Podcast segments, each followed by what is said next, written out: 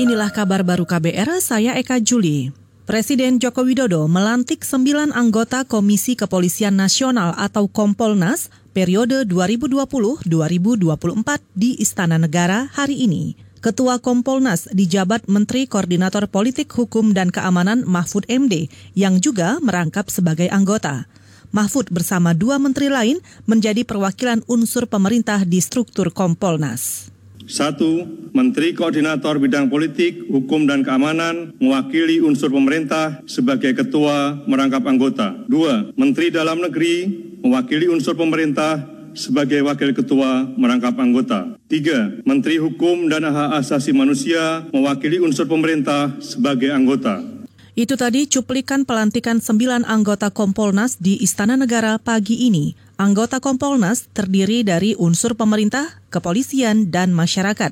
Unsur kepolisian diwakili Beni Mamoto, Puji Hartanto Iskandar, dan Albertus Wahyu Rudanto. Sedangkan unsur tokoh masyarakat diisi Yusuf, Muhammad Dawam, dan Pungki Indarti. Kita ke soal lain. Badan Pengawas Obat dan Makanan atau BPOM memastikan belum ada obat spesifik untuk mengatasi COVID-19. Anggota Komite Nasional Penilai Obat BPOM, Anwar Santoso, mengatakan seluruh kandidat obat saat ini masih dalam tahap uji klinis. Beberapa uji klinik sedang dilaksanakan dan kemudian sudah dilakukan review oleh uh, Badan POM dan sampai sekarang belum ada satu statement yang menyatakan bahwa ini ada obat yang manjur dan aman untuk COVID-19. Semuanya dalam masih dalam fase uji klinik. Bahkan Baik. WHO pun sendiri tidak menyatakan satu statement yang resmi ada obat yang direkomendasikan untuk dipakai atau aman tapi dalam status uji klinik. Anggota Komite Nasional Penilai Obat BPOM Anwar Santoso menambahkan, uji klinik harus memiliki manfaat saintifik dan sosial. Menurutnya, BPOM atau Badan Pengawas Obat dan Makanan sebagai badan regulator obat bekerja mengacu pada standar Amerika Serikat dan Eropa. Kita ke mancanegara.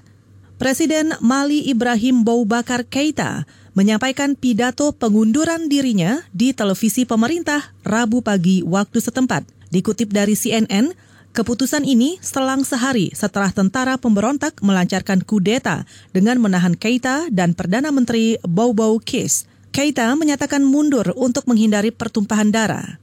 Konflik dengan pemberontak di Mali sudah berlangsung sejak 2012. Meski ada kesepakatan damai pada 2015, kekerasan di negara itu terus berlanjut dan bahkan menyebar ke negara-negara tetangga. Saudara demikian kabar baru, saya Eka Juli.